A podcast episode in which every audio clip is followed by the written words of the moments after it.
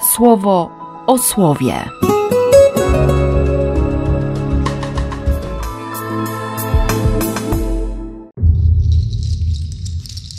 Dwudziesty drugi sierpnia, poniedziałek. Z tych trudnych wizji proroka Ezechiela nagle przechodzimy do najstarszych listów świętego Pawła. Rozpoczyna się lektura drugiego listu do Tesaloniczan. Kiedy dzisiaj komentowałem to słowo dla moich parafian, pomyślałem sobie, że, że Paweł pisze do nich, do nas, mówiąc, że zawsze powinien za nas dziękować, że bardzo wzrasta nasza wiara, że się potęguje miłość wzajemna nas wszystkich, że mamy w sobie wytrwałą wiarę i że zostaliśmy uznani za godnych Królestwa Bożego.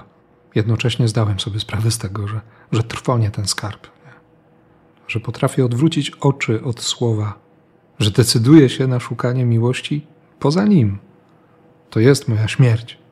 Ale jednocześnie zdaję sobie sprawę z tego, że Kościół mnie dźwiga, że to słowo, które Paweł napisał do Tesaloniczan, jest dziś skierowane do mnie, że Ty też jesteś Jego adresatem, bo Bogu zależy.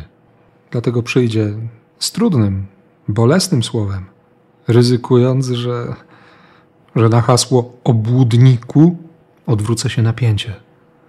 Ale wiem, że to słowo też jest dla mnie nadzieją, żeby nie być obłudnikiem, żeby nie być hipokrytą, żeby przede wszystkim doświadczać miłosierdzia i dawać miłosierdzie, żeby wiedzieć, co jest najważniejsze. Bo faryzeusze byli porządnymi ludźmi, tylko nagle forma przerosła treść.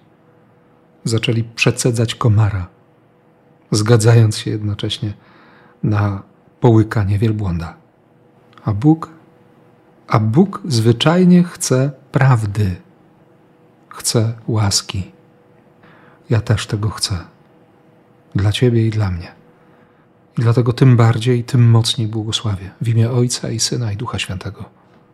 Amen. Słowo o słowie.